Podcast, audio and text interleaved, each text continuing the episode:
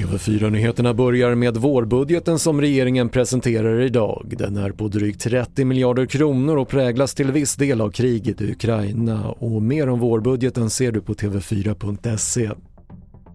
Efter påskhelgens våldsamma upplopp ifrågasätter nu många hur högerextremisten Rasmus Paludan kunde få genomföra demonstrationerna. Juridiska experter menar att polisen mycket väl kunde ha nekat tillstånd. Det hade nog varit på ett sätt ganska bra för då hade man kunnat få kanske en större klarhet i exakt var gränserna går. Men det är svårt för polisen att göra de här bedömningarna i förväg, att veta exakt hur hotbilden ser ut och vad som kommer att hända. Det sa universitetslektor Olof Wilske.